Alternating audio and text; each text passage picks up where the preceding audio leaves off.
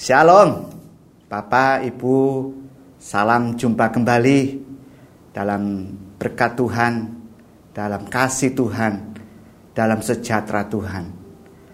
Pada kesempatan ini kita mau merenungkan firman Tuhan. Mari kita siapkan hati kita, kita renungkan firman-Nya yang terdapat di Matius 12 ayat 21. Saya akan bacakan dalam versi terjemahan sederhana Indonesia. Demikian bunyi firman Tuhan. Maka orang-orang dari segala bangsa akan menggantungkan harapan mereka padanya. Di ayat ini dikatakan orang-orang. Bukan hanya satu orang, tapi orang-orang. Dan dikatakan dari segala bangsa. Bukan hanya satu bangsa, tapi dari segala bangsa. Ini yang Tuhan katakan, orang-orang dari segala bangsa ini akan menggantungkan harapannya, harapan mereka kepada Yesus Kristus Tuhan. Bapak Ibu, biarlah ini menjadi perenungan kita. Apakah kita bagian dari ayat tersebut? Apakah kita termasuk orang-orang yang menggantungkan harapan kita kepada Dia, kepada batu karang yang teguh Bapak Ibu, saya coba renungkan. Banyak orang-orang menggantungkan harapannya bukan pada dia, bukan pada berdiri di batu karang yang teguh. Bapak Ibu, Yesus Kristus Tuhan adalah batu karang yang teguh ada satu kalimat di dalam bahasa Inggris. Berbunyi demikian standing on the solid rock. Berdiri di atas batu padat. Batu yang kuat yang solid. Yaitu batu karang yang teguh Batu karang Bapak Ibu kalau Bapak Ibu lihat bagaimana dia diterpa ombak. Dia tetap berdiri, tidak tergoyahkan. Firman Tuhan tadi mengingatkan kita untuk berdiri di atas batu karang tersebut. Biarlah firman Tuhan ini menjadi refreshing kita. Apakah kita masih berdiri di atas batu karang yang teguh. Adakah kita berdiri terus di dalam Dia? Atau jangan-jangan kita sudah mulai berdiri di tempat yang lain, bukan di batu yang padat, tapi di pasir. Firman Tuhan katakan, orang yang membangun di atas dasar yang pasir, ketika banjir, taufan datang, maka rumah itu akan roboh. Biarlah ini menjadi peringatan kita. Kita naruh bangunan rohani kita di atas batu karang yang teguh. Yesus Kristus Tuhan. Dia yang punya power. Dia yang punya authority. Dia pencipta kita. Dia juru selamat kita.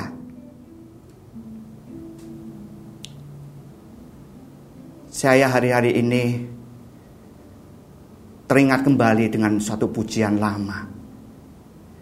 Di mana referennya berbunyi Yesus harapan jiwaku.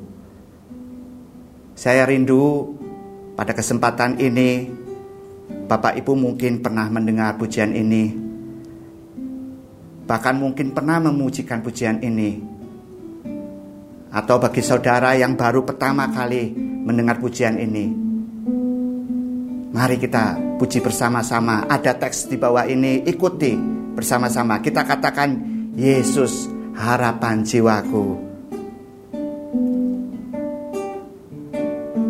Yesus harapan jiwaku Yesus pelepas dosaku. Dia pohon selamat dan kesenanganku. Yesus dia harapanku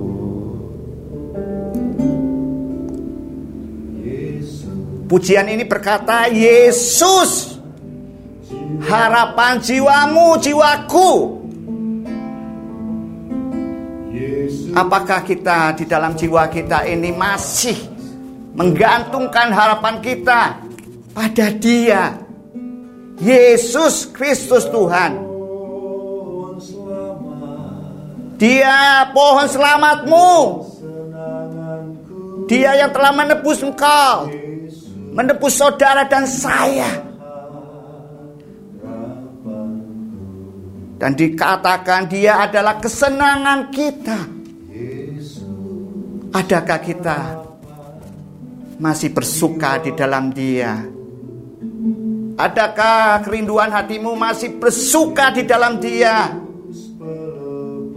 Ingatlah, dosamu telah dilepaskan oleh Dia. Dia pelepas dosamu. Tidak ada yang sanggup melepaskan dosa-dosa kita manusia. Hanya Dia pelepas dosa kita. Haleluya. Yuk kita nyanyi sekali lagi. Yesus harapan jiwaku. Yesus pelepas dosaku. Katakan dia pohon selamat. Dia pohon selamat. Dan kesenanganku Yesus dia harapanku. Haleluya haleluya Bapak Ibu mari kita renungkan Bagaimana kalau seseorang tidak memiliki pengharapan. Atau seseorang mungkin mempunyai pengharapan, tetapi tidak berdiri, tidak menggantungkan harapannya di atas batu karang yang teguh, standing on the solid rock. Yuk kita baca di Mazmur 42 ayat yang ke-6. Demikian bunyi firman Tuhan. Mengapa engkau tertekan, hai jiwaku, dan gelisah di dalam diriku? Berharaplah kepada Allah sebab aku akan bersyukur lagi kepadanya penolongku dan Allahku. Bapak Ibu, kita bisa tertekan. Jiwa kita bisa gelisah. Tapi firman Tuhan katakan, ketika engkau gelisah, ketika engkau tertekan, firman Tuhan katakan berharaplah kepada Allah Jangan andal kekuatan kita. Beberapa minggu yang lalu kita dikejutkan. Hanya beberapa saat terjadi di Jawa Tengah. Anak-anak muda tiga orang anak muda bunuh diri Bapak Ibu. Saya tidak tahu yang menjadi kegelisahan hati mereka anak muda ini. Padahal mereka punya masa depan, punya pengharapan. Masa hidupnya masih panjang. Tetapi dia mengakhiri hidupnya dengan cara-cara yang tidak sesuai dengan firman Tuhan. Aku lelah. Seperti firman tadi katakan, tertekan jiwanya, gelisah. Bapak Ibu, berdasarkan data yang sempat saya dengar, bahwa di Jawa Tengah ini prosentase bunuh diri itu yang terbesar di Indonesia. Di Jawa Tengah ini, di tempat kita. Ini menjadi tantangan gereja Tuhan. Bagaimana kita mau menjangkau mereka.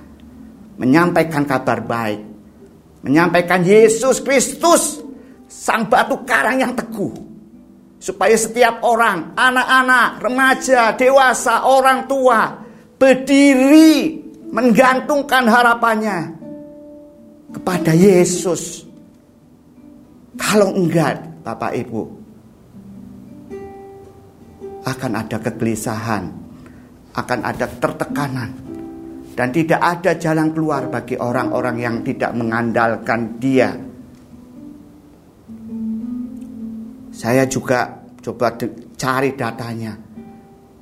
Ternyata bunuh diri itu juga merupakan peringkat ketiga di internasional di seluruh dunia. Betapa ngerinya. Peringkat tiga, kematian karena bunuh diri. Dan data-data itu mengatakan sebagian besar itu yang bunuh diri itu di usia remaja. Remaja, dewasa saya cukup sedih. Tapi inilah kondisi dunia saat ini. Ini menjadi tantangan kita, doa kita. Ayo doakan. Biar semua orang terwahyukan pribadi Yesus Kristus Tuhan. Supaya jiwanya boleh ketentraman. Biar dia datang kepada Tuhan sang juru selamat. Dia pohon selamat.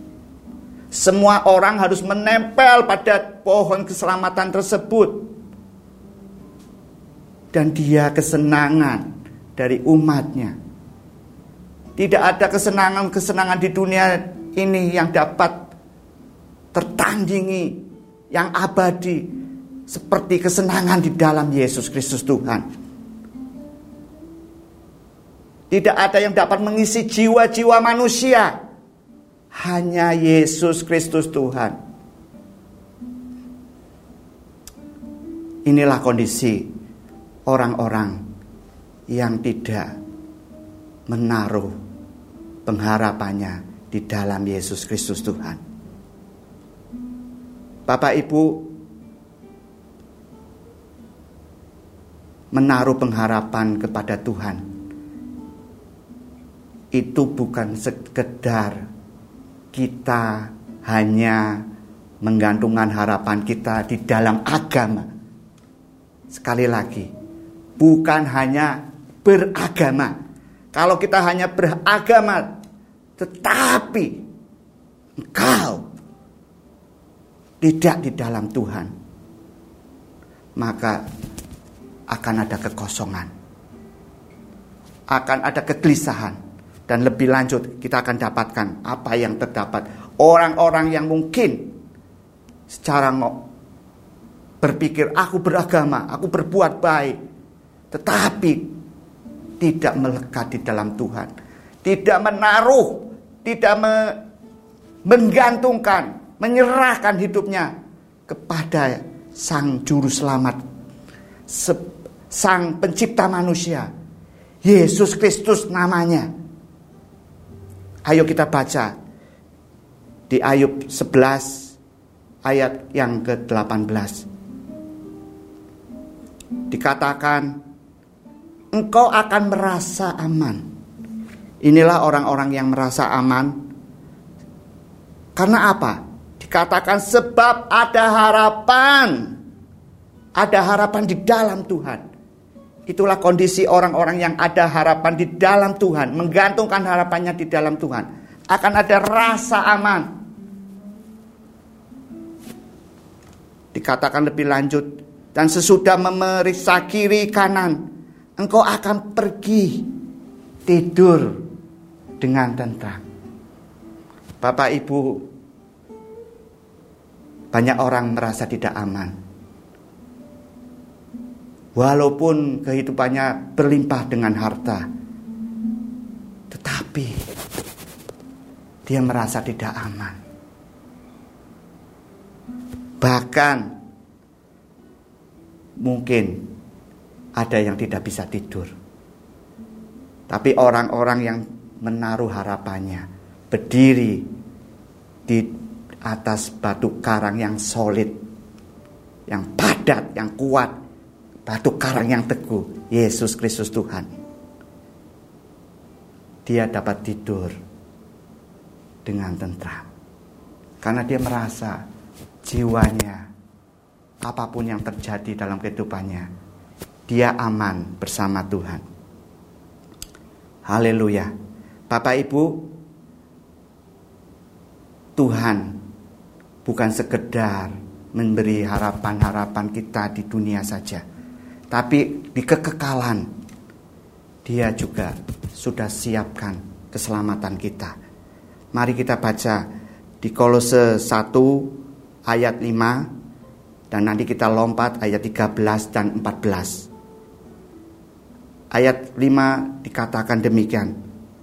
Oleh karena pengharapan yang disediakan bagi kamu di surga. Haleluya. Pengharapan di Kristus, di dalam Kristus, tidak hanya di dunia saja, tapi ada di dalam surga tentang pengharapan itu telah lebih dahulu kamu dengar dalam firman kebenaran yaitu Injil yang Bapak Ibu saudara baca.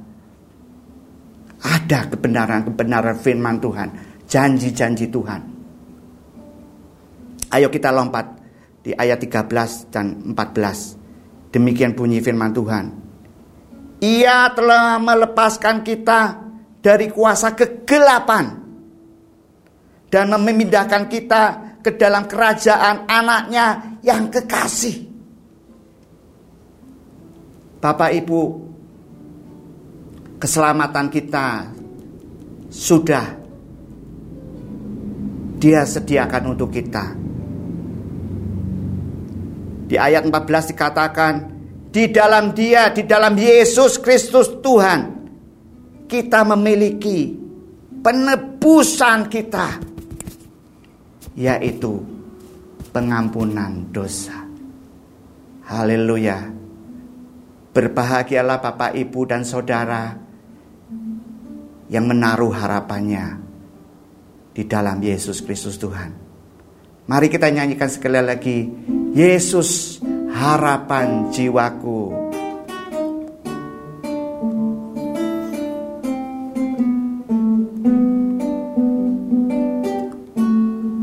Yesus harapan jiwaku Yesus pelepas dosaku Dia pohon selamat dan kesenanganku Yesus dia harapanku. Tuhan Yesus memberkati Bapak Ibu Saudara semuanya. Haleluya. Amin.